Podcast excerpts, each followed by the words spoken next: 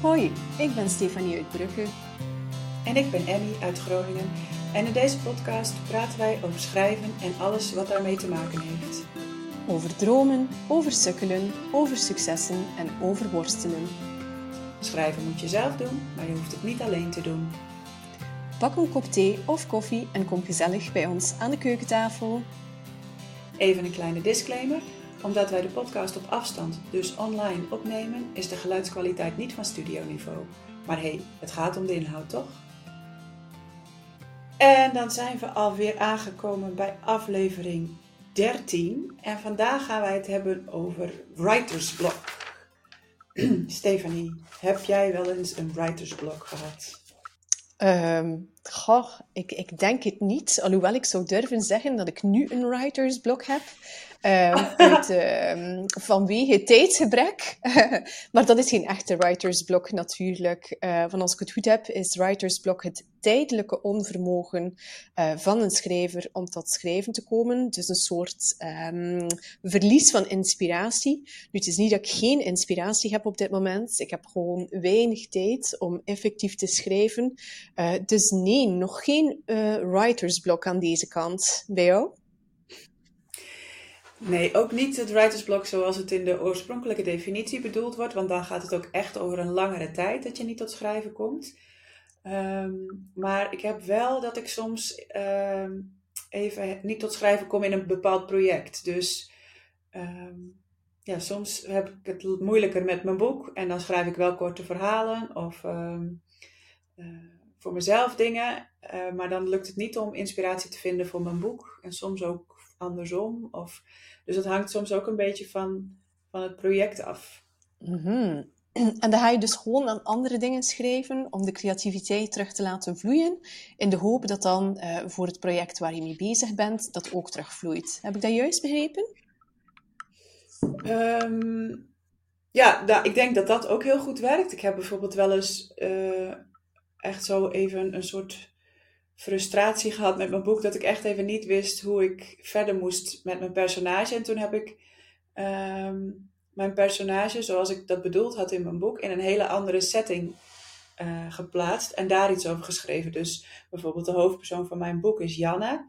En zij wordt geboren in mm -hmm. 1856 en het verhaal speelt zich in het begin af in 1871. Um, en dan heb ik haar in de Efteling neergezet. Uh, die, dat was het toen natuurlijk niet, of in ieder geval niet zoals het nu is. Ik weet eigenlijk niet hoe lang de Efteling, Efteling al bestaat, maar um, ja, ik dacht, ik wil gewoon eens kijken hoe zij in die situatie dan reageert en wat dat zegt over haar uh, persoonlijkheid. En, uh, en ik heb haar in een auto op de A10, de ringweg rond Amsterdam, gezet uh, om te kijken wat ze daar, ja, hoe ze zich daar zou gedragen als ze daar terecht zou komen. Um, ja, dat gaf wel hele leuke ideeën. En alleen al omdat je dan wel met je personage bezig bent, maar jezelf niet forceert om echt met je boek bezig te zijn, uh, haalt het de druk er een beetje af of zo, denk ik. En mm-hmm. uh, ja, blijft het schrijven wel leuk, want ik vond dat echt heel tof om te doen, terwijl ik met het boek echt af en toe met mijn handen in mijn haar zat. Um, ja, en zo helpt dat dan wel. Mm-hmm. Ja, ik denk dat dat een, een goede tip is in die zin. Het hoeft niet perfect te zijn. Dat onthoud ik even eruit. Het is niet dat alles wat je schrijft het, het, doel moet dienen of onmiddellijk in jouw manuscript moet passen ook. Natuurlijk, zeker als je vastloopt en je hebt de inspiratie niet, dan is het misschien beter om um, toch iets te doen dan helemaal niets te doen. En ik moet nu zelf denken um, aan, je hebt het misschien gezien, Emmy, op Instagram, uh, dat ik de laatste tijd wel aan het experimenteren ben met stiftgedichten. Ja. Um, en dat is dus gedichten maken um, in een boek. Dus uh, ik neem een bladzijde en dan ga ik daar um, ja, de tekst zwart maken. Black it out noem ik het zelf. Um, het heet ook Black Poem Poetry in het Engels. Um, en wat, wat heel leuk is daaraan, is eigenlijk dat je die schrik niet hebt van het lege blad. Uh, en misschien is dat wel iets dat meespeelt bij Writer's Block. Dan kom je voor jouw computer zitten, of je neemt de pen en daar heb je het witte blad, de lege vlakte. En ergens ontstaat er ook een leegte in je hoofd van oei, en nu? Terwijl als je stiftgedichten maakt of uh, gramgedichten, dat kan ook. Gramgedichten, dat zijn, um, daarvoor kun je woordjes knippen um, uit een boek of uit een tijdschrift en die aan elkaar plakken korte meestal, gramgedichten uh, genoemd, omdat ze op uh, Instagram passen dan. Maar dan heb je die schrik dus niet. En dan kun je meteen uh, beginnen. De woorden zijn er al. Je hoeft ook niet zelf te schrijven.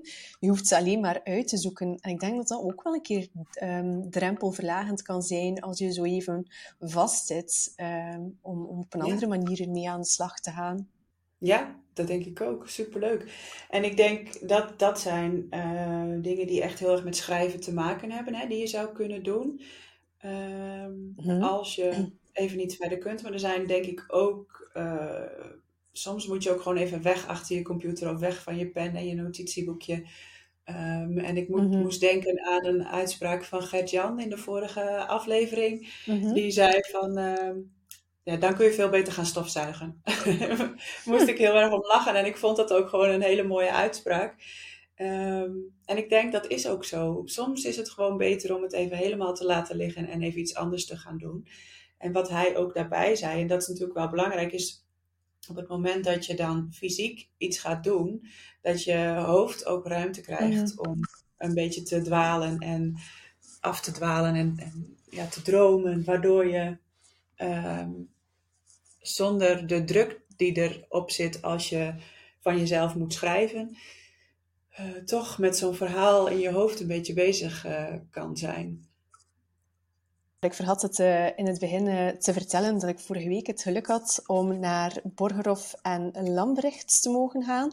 Dat is een Vlaams uitgeefhuis. Ik was daar niet voor mijn eigen manuscript, dus niet juichen, uh, maar ik was uh, uitgenodigd uh, voor een lunch met David Fourkinos. Dat is een Frans auteur, een bestseller-auteur ook.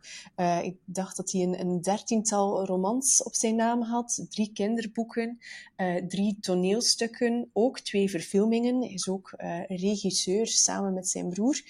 Um, en naar aanleiding van zijn nieuwe boek, um, nummer twee, uh, mocht ik dus gaan lunchen samen met een tiental andere dames en, dames en boekbloggers.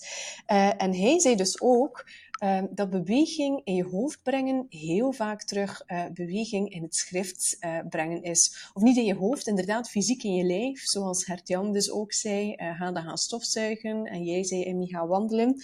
En wat David Funkinos dan doet, dat is de trein nemen, de beweging van de trein. En inderdaad, dat is wel een hele rustgevende dynamiek, vind ik zelf. Op een trein, je wordt zo wat gewicht. ik herinner me als kind, als ik in de auto zat, als we op reis vertrokken, ja, dan val je heel snel in slaap. En ik vind, je hebt datzelfde herstellende gevoel op een trein. En je hebt ook de beweging buiten, maar ook de beweging op de trein van mensen die krioelen en recht staan en opstappen, afstappen. Um, dus dat vond ik ook wel een hele leuke tip. Zo van, ja, ga op een trein gaan zitten of op een tram en, en kijk en lees en schrijf en neem dingen in je op. Dus zeer herkenbaar. Um, om dat terug te zien bij veel schrijvers, inderdaad. Of creatievelingen in het algemeen. Ja, dat denk ik ook. Ja, zeker. Um, en ik denk ook dat heel veel dingen rondom writersblok of, of uh, niet tot schrijven kunnen komen, te maken heeft met een soort structuur, hè, waar we het in een eerdere aflevering mm -hmm. ook al eens over hadden. Um, ja, weet je, uh, het is, voor mij is het heel belangrijk om s ochtends te schrijven, bijvoorbeeld. Um, dus dat is ook altijd waar ik mee begin als ik, of eigenlijk waar ik mee zou moeten beginnen als ik uh, een schrijfdag heb.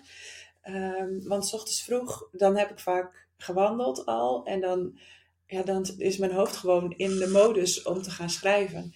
Mm-hmm. Uh, en ik merk dat als ik dat niet doe en dan denk van, oh, ik doe eerst een aantal losse dingetjes, nog even een post en nog even wat dingen regelen. En dan, als ik dat af heb, ga ik dan schrijven.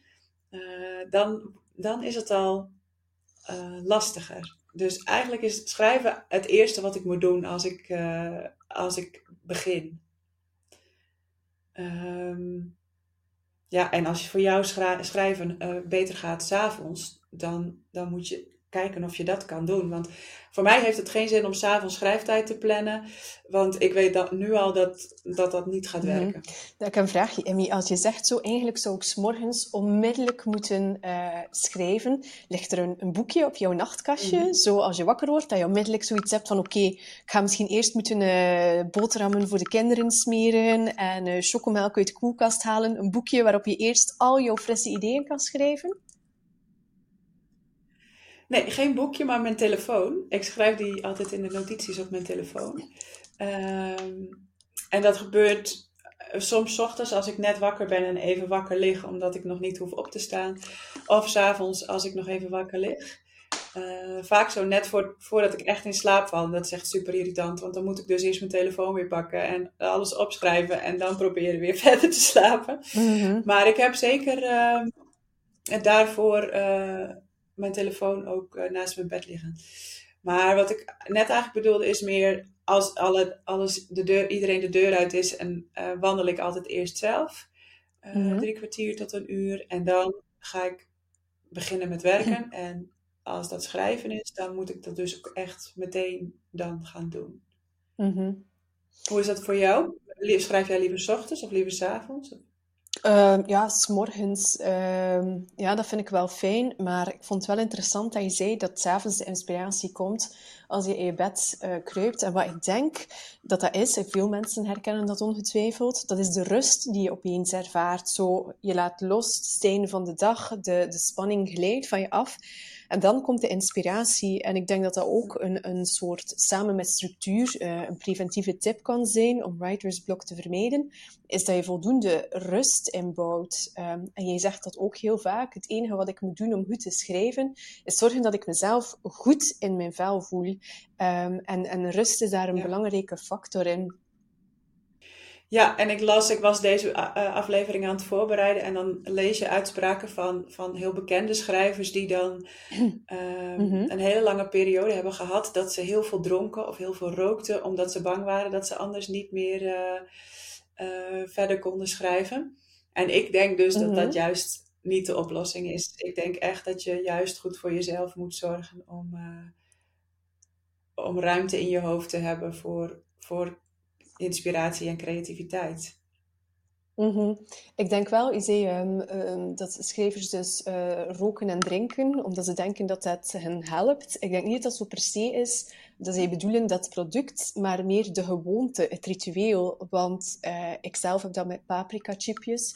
Um, dat is ook een soort uh, verslavingsmechanisme, zoals roken en, en drinken dat ook heeft. Het is de gewoonte dat als je, als je zit om te schrijven, dat die, die auteurs zich de gewoonte hebben gemaakt van dan een glaasje te drinken of te roken. Ik heb dat met paprika-chipjes en met thee. Um, maar ik sprak bijvoorbeeld uh, Sophie ja. Een tijdje geleden. Um, zij is de auteur van het boek uh, De Familie Klaus. Die is ook op Netflix te zien. En ik vroeg haar, eet jij ook zoveel als je schrijft? En ze zegt altijd, hele pak koekjes. En ik denk, of het nu een pak koekjes is, of een glas wijn, of een sigaretje. Het is gewoon de handeling, zoals dat veel mensen roken bij een tasje koffie, um, die, die het ritueel versterkt van schrijven. Dus ik versta het wel. Maar inderdaad, uh, als je elke dag een flesje wijn drinkt om te schrijven, ook geen aanrader. Nee, nee, dat denk ik ook niet. Ik weet, ik moet inderdaad ineens denken aan mijn docent psychologie toen ik uh, uh, mm-hmm. studeerde. Die uh, vond altijd dat wij, als je gewend was om te studeren met een glas wijn erbij, dat je dan je, je proefwerk of je toets of je tentamen ook met een glas wijn moest kunnen maken. Want ja, ik weet niet of mensen dat kennen, maar in de psychologie heet dat de Pavlov-reactie. Mm-hmm. omdat dat een gewoonte is, omdat je dan dingen gaat herinneren die gekoppeld zijn aan de activiteit die je deed. Dus ik snap wel uh, dat jij dat zo uitlegt inderdaad. Ik denk, het zou heel goed kunnen ja, ja. dat ze dat zo, uh, zo bedoeld hebben. Ja, ja. Ik uh, las op, op het internet Maarten Biesheuvel. Dat is hier in Nederland een hele bekende schrijver. Die heeft jaren niet geschreven. Joost Zwagerman heeft erover geschreven in zijn roman Chaos en Rumoer. En um, Harry Mullis, die geloof ik zelf zegt dat hij nooit een schrijversblok heeft gehad. Maar die zei ja, ik denk dat een writersblok eigenlijk de angst voor een writersblok is. Dus dat mensen bang gaan zijn dat ze tegen een writersblok aanlopen. En dat daardoor het al dat is net als met, hè, met, met sommige uh, paniekstoornissen, is angst voor de angst. Ehm, dus hij zegt, ja, de angst voor een writersblok, eigenlijk is dat wat er gebeurt als je een writersblok hebt. Vind ik ook wel weer een interessant idee. Het, is uh, bijna zoals een soort uh, faalangst natuurlijk. Als je een wedstrijd moet lopen, nu ik ben geen loper, uh, maar zo van, oh, ik ga het niet kunnen, ik ga het niet kunnen, of voor een examen, ik ga het niet kunnen, ik ga het niet kunnen. En dan, dan ja. wordt dat zo'n self-fulfilling prophecy. Um, dus ja, die angst voor ja. een writersblok werkt waarschijnlijk ook veel in de hand ja. Nu, wat ik ook nog las op het uh, internet ja. uh, qua tips, en dat vond ik ook een hele leuke, zelf niet opgekomen. Het ligt ook een beetje in de lijn uh, van Hertjan, die, die vaak schrijft op basis of geïnspireerd door oude foto's. Was als jij een levensverhaal schrijft, en iedereen schrijft het levensverhaal van zijn personage, of dat nu autobiografisch is of, of fictie of non-fictie, maakt niet uit. Maar um, een tip was, ga oude foto's kijken, online of, of effectief in een kringloopwinkel. Ga plaatjes kijken en kijk heel goed naar de details. Uh, bestudeer ze tot in het kleinste detail. En wie weet brengt dat inspiratie voor, um, ja, voor een nieuwe invalshoek in jouw verhaal. En een andere tip die ik heel tof vond, um, ook nog zelf niet toegepast. En dat was luister naar muziek die bij de onderwerp van jouw boek past. En toen dacht ik, oh ja, ja, dat heb ik nog niet gedaan. Dat is een leuke. Ja, heb jij dat ook niet gedaan voor je nieuwe boek? Want toen ben je toch wel muziek uit die tijd gaan luisteren?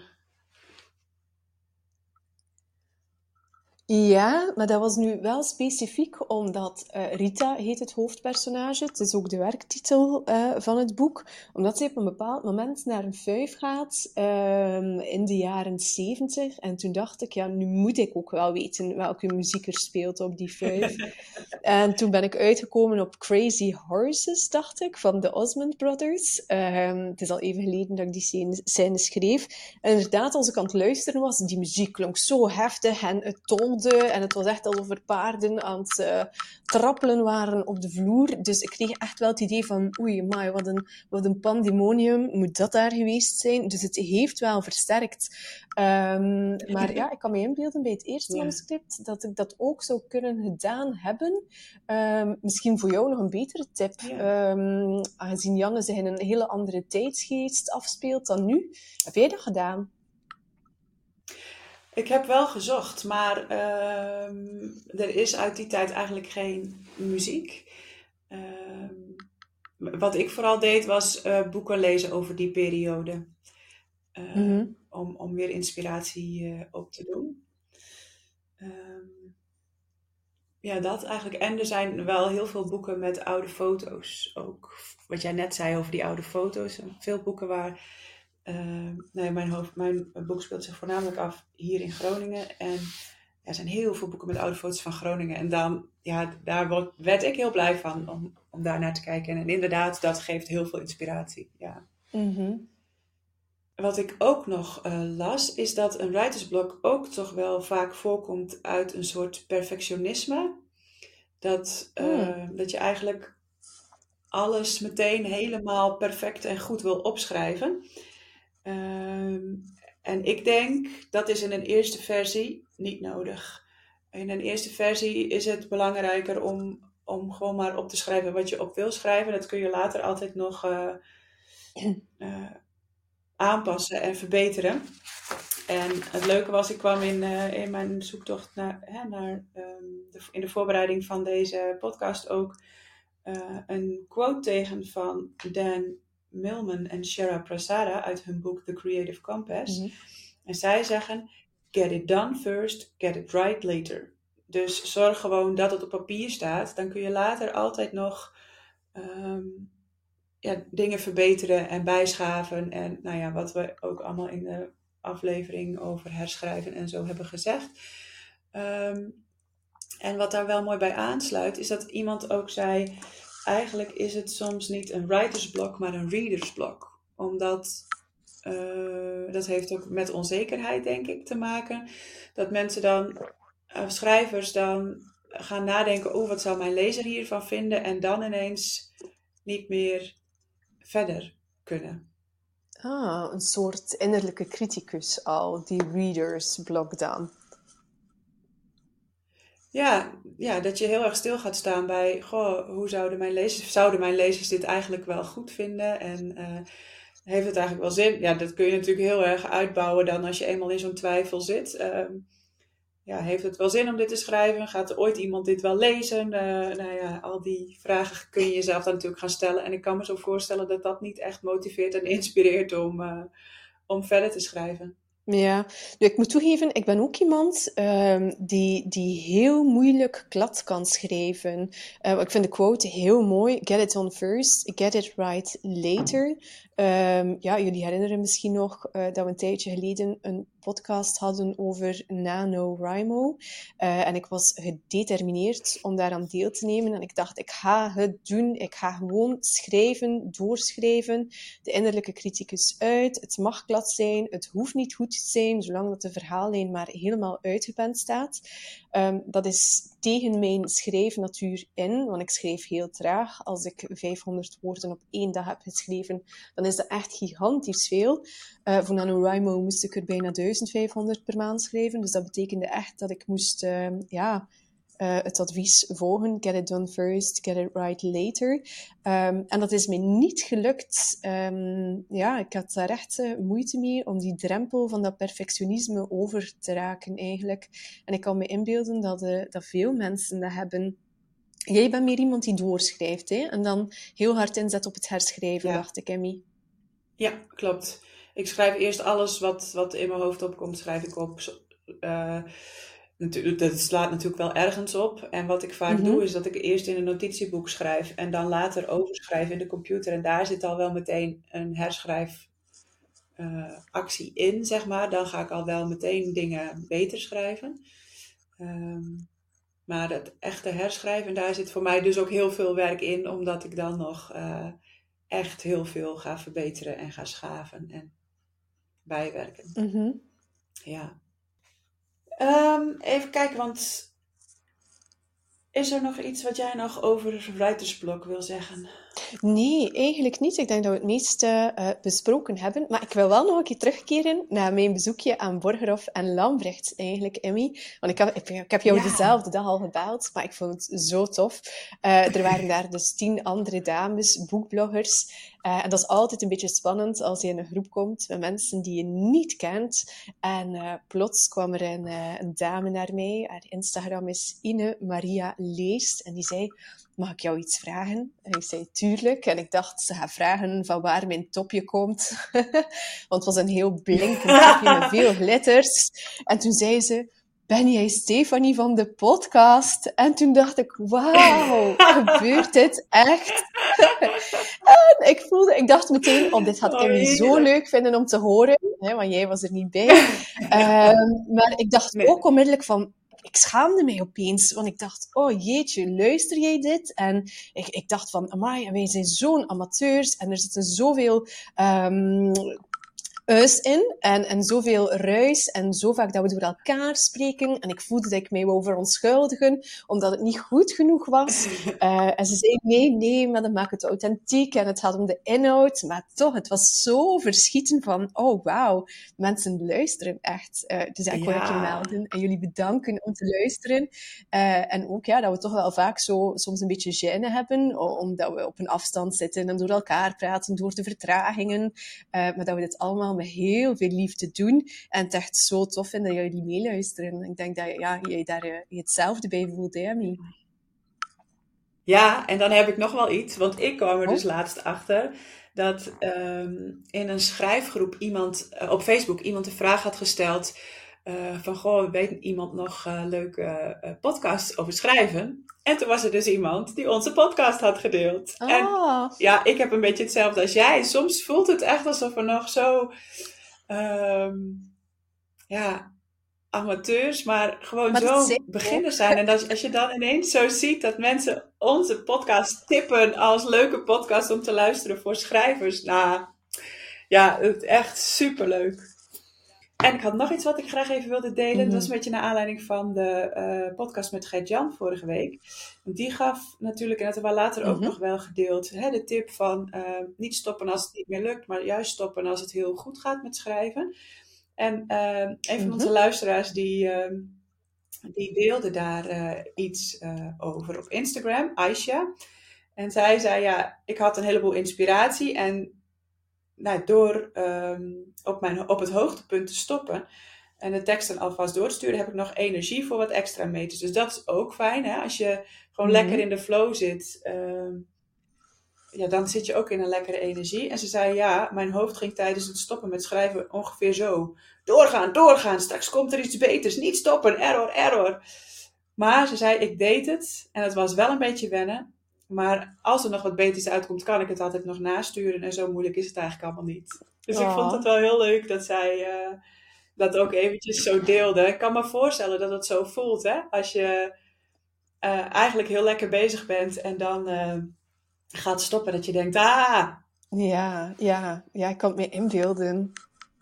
Maar het is advies dat ik ook vaker ga toepassen. eh, dat denk ik ook. Ja, ja, ja, zeker. Oké, nou, volgens mij zijn we rond voor deze eh, aflevering dan, Stephanie. Mhm. Ja. Ehm, in de volgende aflevering hebben wij weer een gast. En ehm, dat is Kim Linsen van Het Ware Woordenwereld. Ehm, en daar kijken we heel erg naar uit. Tot de volgende keer. Tot de volgende. Doei. Leuk dat je weer geluisterd hebt. Als je onze podcast leuk vindt, kun je ons helpen door een review te schrijven of een beoordeling te geven. Vijf sterren of zo? Daardoor komen wij hoger in de lijsten en help je nieuwe luisteraars om ons te vinden. Deel de podcast ook gerust in je netwerk of op social media en tag ons dan even. Wij vinden het superleuk om te weten wie je luistert. Heb jij vragen of is er een onderwerp waar jij onze mening of ervaringen over wil horen? Of is er iemand die jij graag als gast in Schrijfpraat zou horen? Laat het ons dan weten. Dat kan via Instagram, at Stefanie Insta en at Emmy de Vries.